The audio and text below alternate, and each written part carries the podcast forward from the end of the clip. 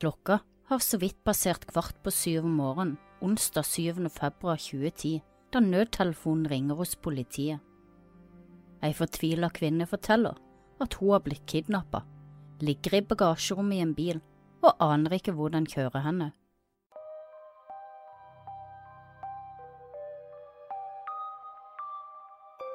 Sett deg godt til rette med noe godt i kroppen, og bli med inn i mord og mysteriers verden.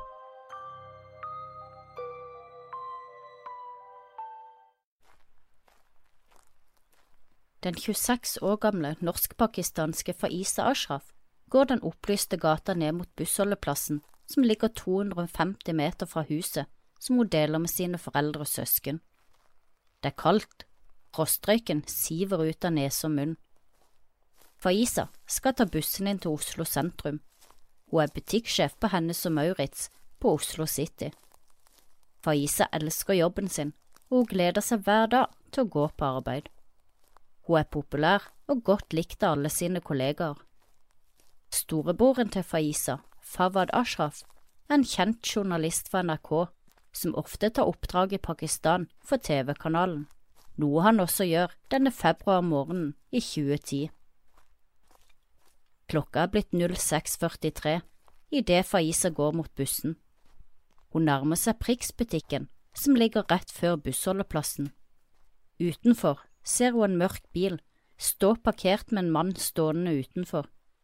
Hun tenker ikke mer over det, men etter bare noen få skritt forbi bilen, kjenner hun at noen tar tak i armen hennes og begynner å dra. Faiza prøver å kjempe imot, men før hun vet ordet av det, ligger hun innelåst i bagasjerommet på en bil. Faiza blir livredd, men prøver å beholde roen. Hun har enda mobiltelefonen i lomma, og hun lider av kraftig astma så det er ekstra viktig å beholde roen så hun ikke får et anfall i det trange rommet. Faiza kjenner at bilen beveger seg, og skjelvende tar hun fram telefonen og slår nødnummeret til politiet. Klokka er 06.44 idet den første samtalen med Faiza blir registrert hos Asker og Bærum politidistrikt, og de neste 35 minuttene har hun hele tida kontakt med politiet og gir dem de opplysningene hun kan. Jeg skal nå lese samtalen som Faiza hadde med politiet mens hun lå i bagasjerommet, uvitende om hva som ventet henne, full av frykt og angst.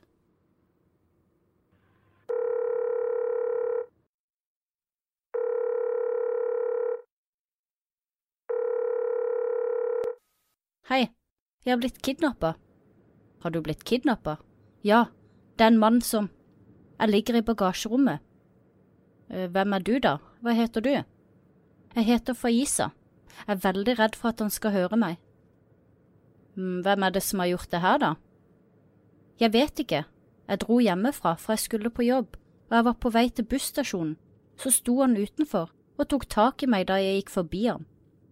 Hvor er det du bor hen, da? På Haslum, på Høvik. Vær så snill og hjelp meg.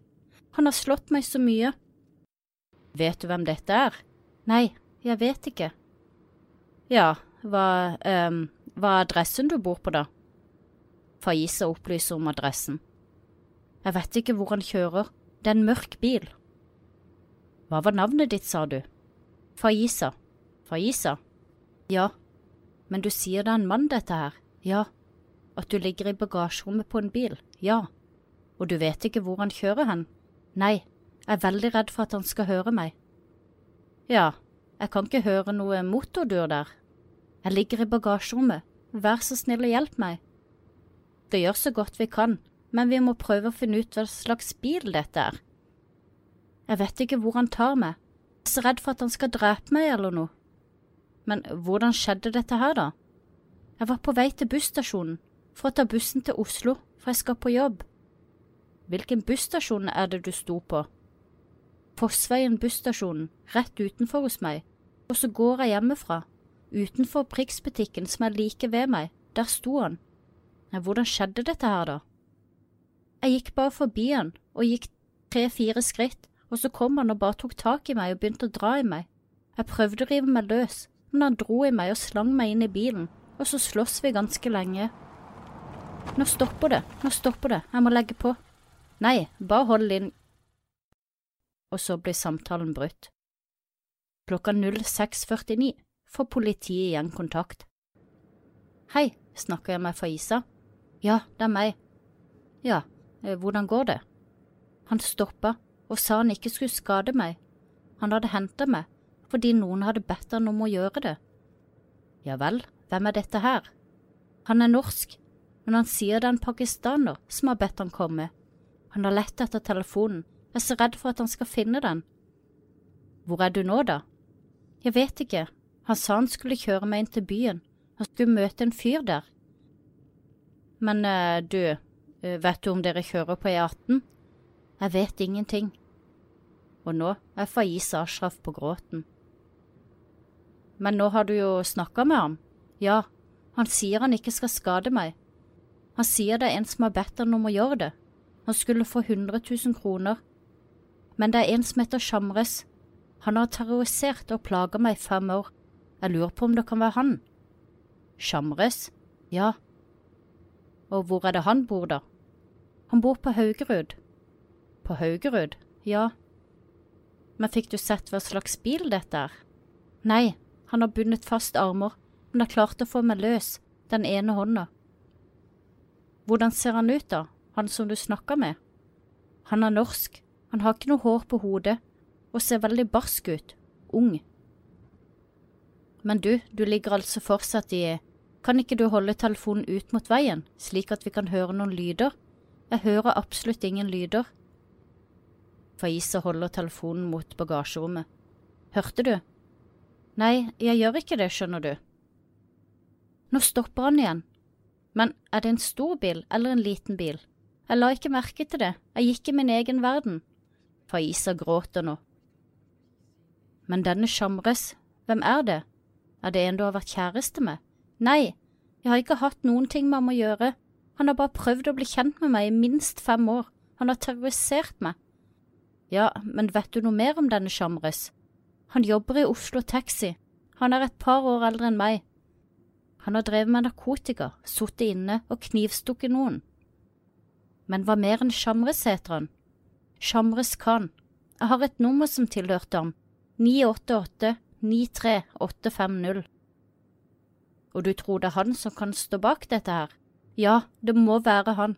Han har sendt meg meldinger og ringt fra så mange nummer at jeg ikke vet hvilket nummer han har lenger. Vi ser, her får jeg opp en Shamres Khan, ja. Finner dere meg snart? Ja, men vi vet ikke hva vi ser etter, det er det som er problemet vårt. Har du lagt merke til om dere kjører på en rett vei, eller om det er masse svinger? Han svinger en del, tror jeg. Han svinger en del, ja. Klarer du å forstå om du er på vei til Oslo eller en annen vei? Nei, jeg vet ikke, men han svinger mye. Jeg har vondt i hodet fordi han har slått meg i hodet mange ganger. Får bare holde linja, har du mye batteri igjen på telefonen din, eller? Ja, men jeg må legge på hvis vi stopper, han har leita etter telefonen. Ja, kan du ikke bare holde linja litt, jeg blir litt borte nå, men jeg kommer tilbake igjen. Så er det et pause på ca ett minutt, mens operatøren snakker med andre på operasjonssentralen. Du, Faiza, er du der? Ja. Er du født den 8.9.83? Ja. Det vi må gjøre, er å forsøke å spore telefonen din, du må ikke slå den av, det er vår måte for å forsøke å finne ut hvor du er. Men hvis jeg legger på, så kan dere spore likevel. Ja, det kan vi gjøre, men du må ikke slå av telefonen din. Ok, jeg gjør det ikke med mindre han finner den og tar den fra meg. Klarer du å gjemme telefonen i klærne dine? Jeg har høye støvler på meg.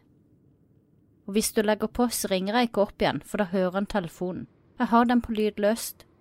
Du kan ikke putte den i BH-en din eller noe sånt. Han vil forsøke å sjekke, han tar ikke noe hensyn. Jeg holder kontakten med deg nå. Jeg legger ikke på før det er nødvendig, og så forsøker vi å se om vi kan finne ut hvor du er. Jeg er så redd for at han skal gjøre meg noe. Fikk du sett noen andre personer der dette skjedde? Jeg tenker på da du sto opp ved bussholdeplassen. Jeg hadde ikke kommet så langt som til bussholdeplassen. Det skjedde rett utenfor Prix-butikken, utenfor hos meg. Har du mulighet til å gi en beskjed til min søster? Jo da, vi må ta kontakt med de også. Hvem er hjemme på adressen din nå? Faiza forteller at søstera og lillebroren er hjemme. Foreldrene er i Pakistan. Jeg vil ikke at dere skal bekymre henne. Nei, men vi må jo finne ut hva dette er for noe, ikke sant? Ja. Faiza oppgir telefonnummeret til søstera. Men du, du tror det er Shamres som kan stå bak dette? Ja, han sa til meg at han ikke skulle skade meg, han gjorde det for noen andre og skulle få 100 000 kroner. Ja, jeg spurte, vær så snill og hjelp meg. Første jeg tenkte var at det var Shamres. Han har terrorisert meg i fem år og er ikke helt god i hodet, men han hørte ikke på meg og sa bare at han skulle ha 100 000 for dette. Kan ikke du beskrive han som kjørte bilen, han du snakker med? Sier at han er norsk, og han er skalla, han har ikke hår på hodet. Ja, han er i slutten av tjueårene, ikke kraftig, men han var stor og veltrent. Det er en veldig mørk bil i hvert fall. Kan du si noe om hva slags bil, er det sånn stor bil eller vanlig bil eller… Det er ikke noen varebil eller stor bil. Dere kjører fortsatt, ja. Dere har kjørt lenge nå da, skal vi se, nå ringte du til oss. Det har gått ca 15 minutter nå. Jeg tror hvis dere er på vei til Oslo, så er dere godt inn i Oslo nå. Ja.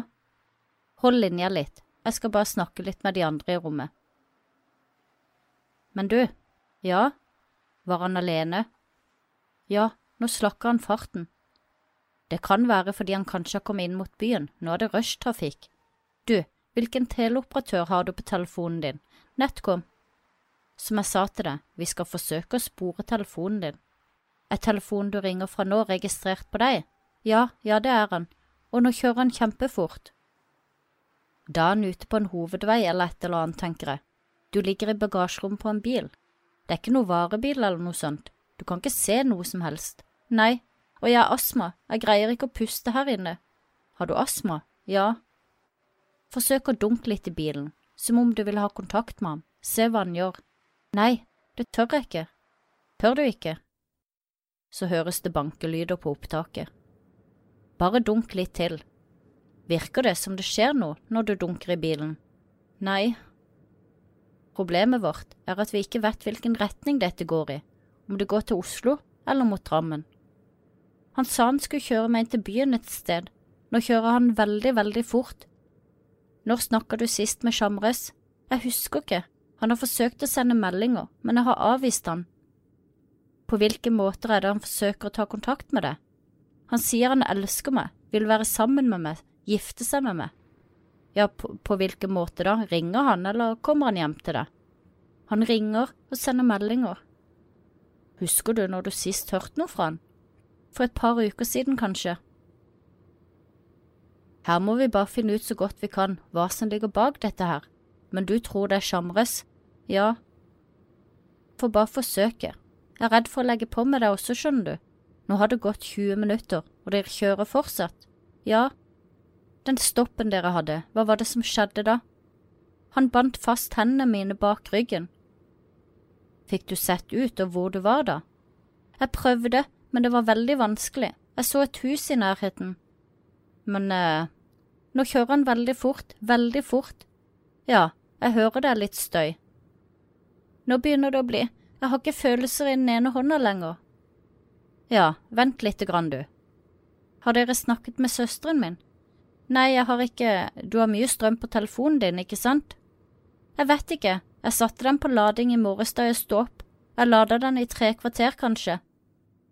Jeg skal forsøke å ringe søsteren din, men det er litt vanskelig akkurat nå siden jeg snakker med deg. Ja, skal få en annen til å ringe søsteren din. Ja, men dere må ikke bekymre henne. Det er klart at når vi ringer til henne og forteller hva som har skjedd, så vil hun nok bli bekymret uansett. Ja, jeg vet det, men… Jeg tror vi gjør det. Operatøren snakker med en kollega i bakgrunnen. Er det noe annet du vil at vi skal si til søsteren din? Nei, jeg vet ikke hva dere skal si, tenker det kan skje noe. Du sier du begynner å miste følelsen i armen. Hvordan er det du ligger? Jeg ligger på den ene armen, den er bundet bak ryggen. Han bandt fast begge, men jeg klarte å få løst den ene. Har han bundet deg fast til noe, eller?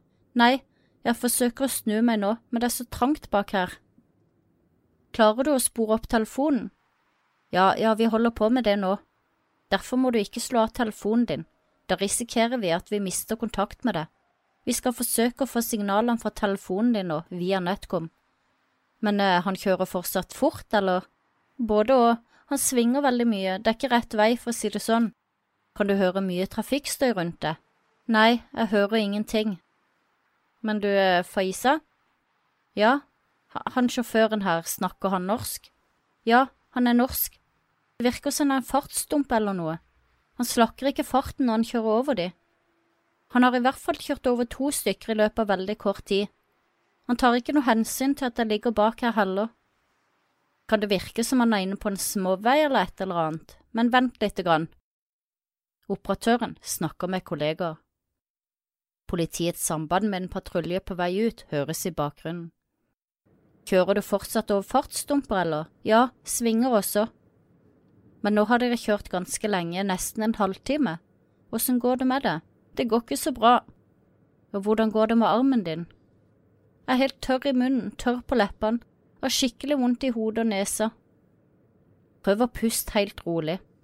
Hvis du begynner å kave deg opp nå, baki der som det er så trangt, det må du prøve å ikke gjøre. Du må puste rolig og tenke på at vi nå holder på å spore telefonen din. Vi har varsla Oslo, og vi skal opprettholde kontakten med deg. Bare forsøk å puste helt rolig, og ta det så rolig som du kan. Tenk på astmaen din og sånne ting. Føler du at du klarer det? Ja, jeg er så redd. Det forstår jeg veldig godt. Men Shamres, hvorfor har han vært så veldig opptatt av deg, vet du det? Nei, jeg vet ikke. Søsteren hans er gift med fetteren til pappaen min. Familien har hatt kontakt i mange år, men har aldri møtt ham eller vært sammen med ham. Men han tok kontakt med meg da jeg jobba på Skøyen for fem år siden, og siden da har han vært veldig fram og tilbake med jevne mellomrom. Men eh, har du pleid å snakke med Shamres når han tar kontakt? Alle de gangene jeg har tatt telefonen, så har jeg bedt han om å slutte å ringe, jeg vil ikke ha noe mer med å gjøre. Eh, hvor er det du jobber hen? Jeg jobber på Hennes og Maurits i Oslo. Eh, hvor da? På Oslo City. Og det var der du skulle nå? Ja. Så du var på vei inn til Oslo? Ja. Men han eh, Shamres, vet du adressen der han bor? Jeg har aldri vært hjemme hos ham, jeg vet ikke, han bor på Haugerud, tror jeg. Ja, bor han der alene eller sammen med noen? Jeg vet ikke. Vi har fortsatt i hvert fall eh, god linje på telefonen, jeg hører deg godt. Kan du høre meg godt? Ja, men hvor lang tid tar det å spore opp telefonen? Nei, eh, vi holder på. Jeg ser operasjonslederen vår sitter i kontakt med de nå. Pleier det å ta lang tid? Mm, de må starte et sånt søk, ikke sant? Derfor er det veldig viktig at du forsøker å ha telefonen på hele tida. Ja.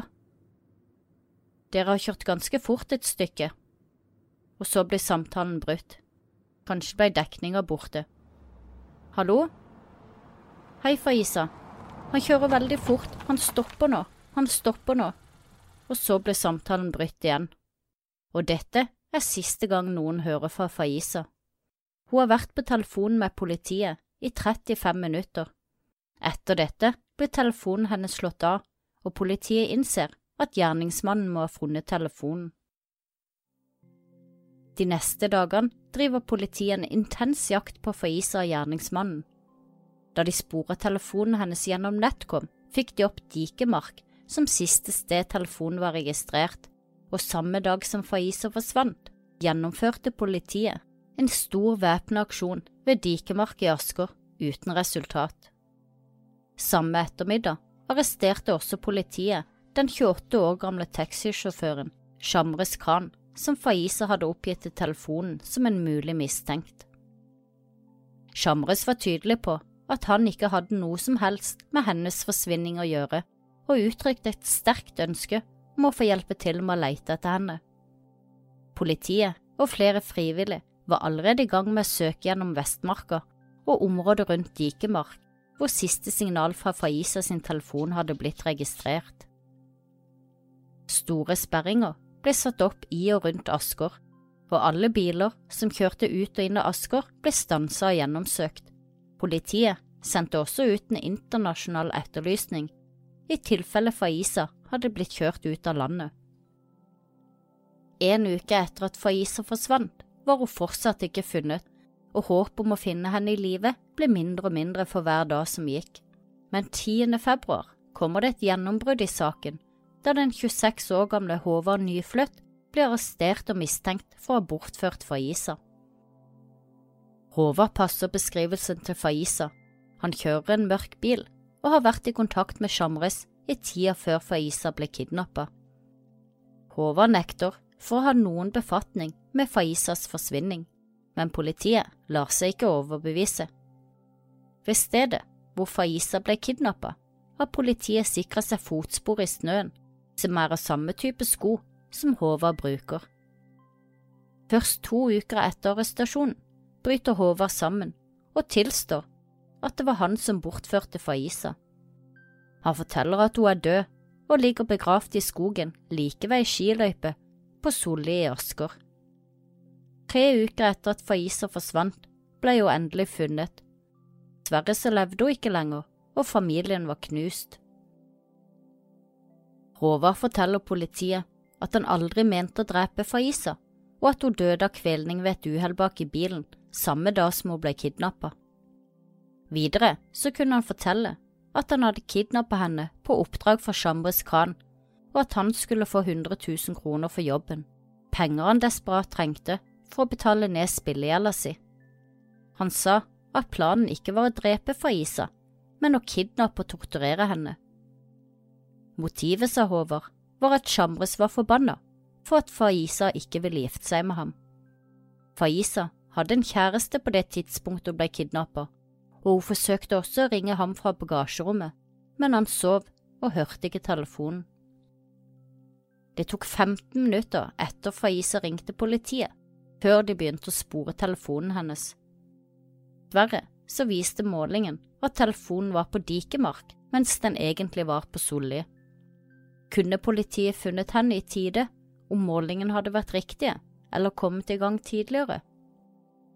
Første dagene etter forsvinninga mistenkte også politiet at familien til Faiza kunne ha noe med saken å gjøre, og familien følte at politiet ikke gjorde nok for å redde datteren deres. Både mora, faren og broren til Faiza var i Pakistan den dagen Faiza ble kidnappa, og alle tre tok første fly hjem til Norge for å støtte hverandre. Foreldrene valgte å ikke umiddelbart gå ut med navn og bilde og etterlyse dattera, noe som fikk flere i å spekulere i om foreldrene var involvert. Det tok over fem døgn før navn og bilde ble offentliggjort.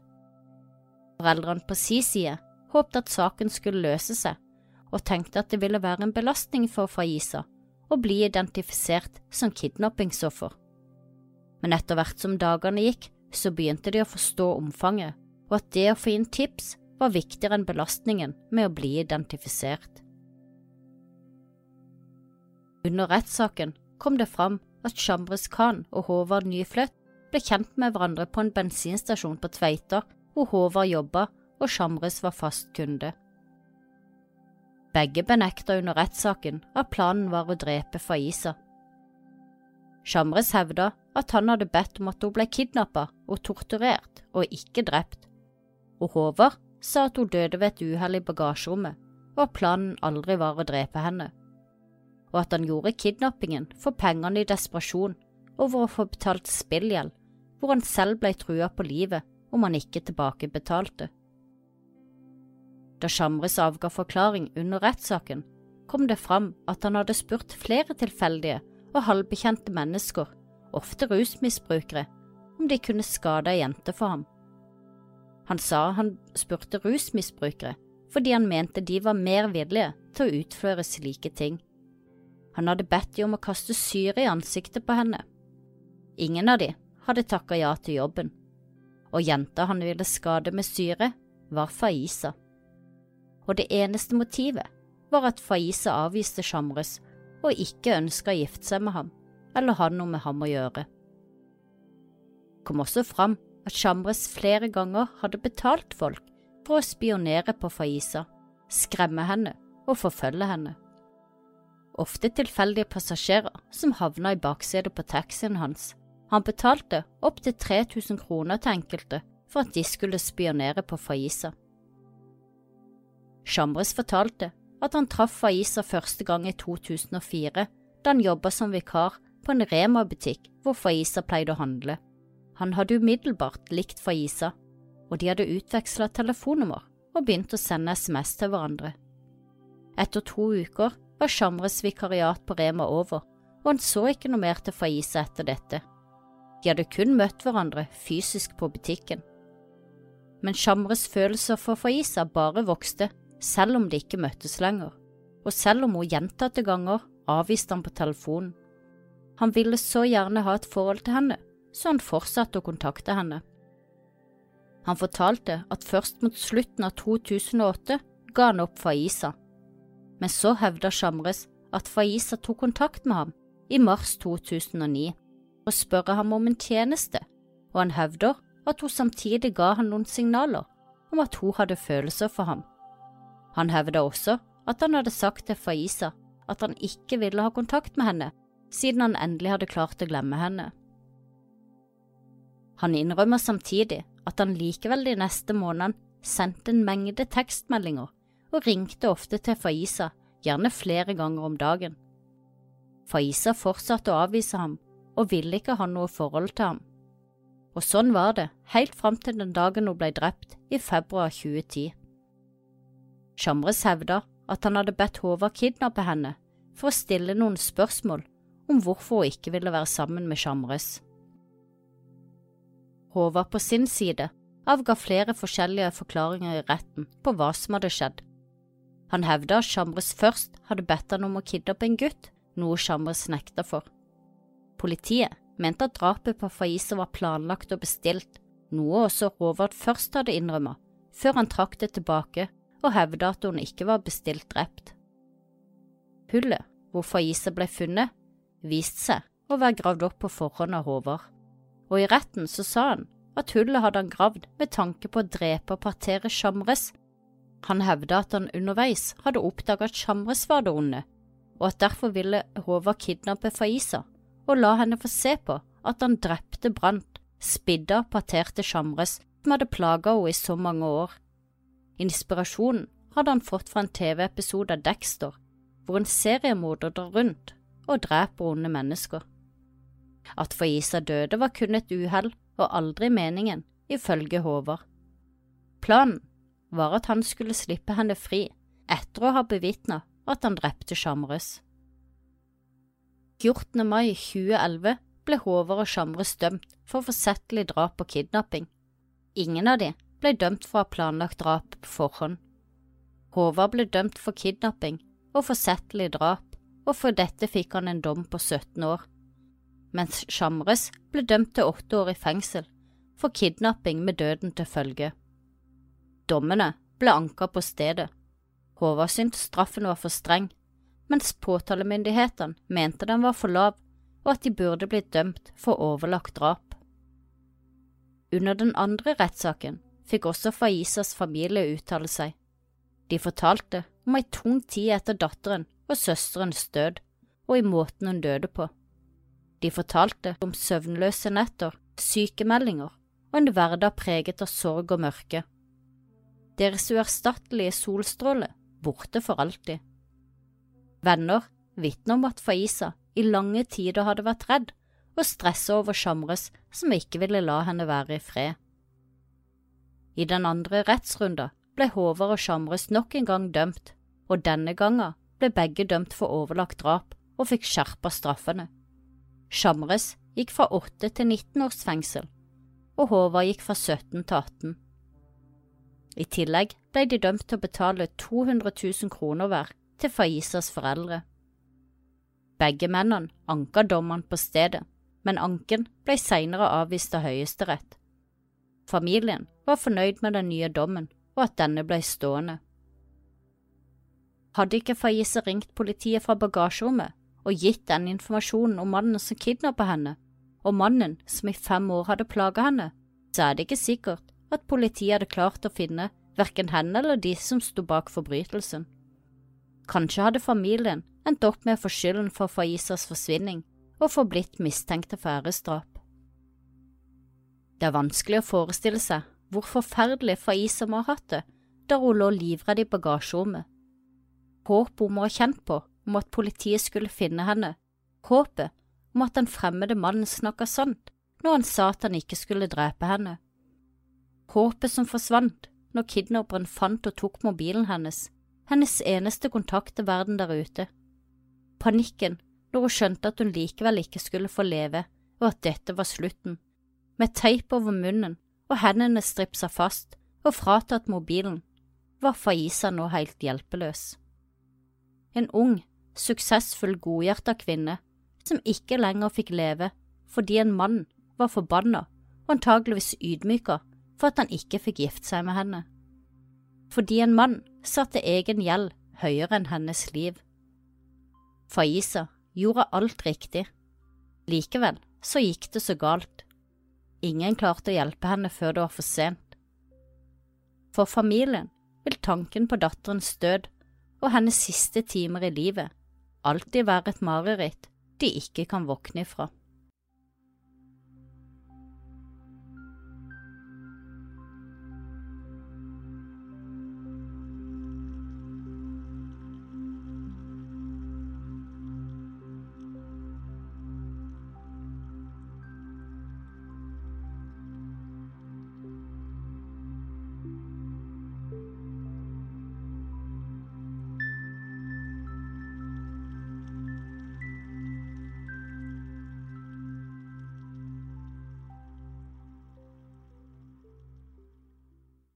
Har du et enkeltpersonforetak eller en liten bedrift? Da er du sikkert lei av å høre meg snakke om hvor enkelt det er med kvitteringer og bilag i fiken, så vi eh, gir oss her, vi. Fordi vi liker enkelt. Fiken superenkelt regnskap.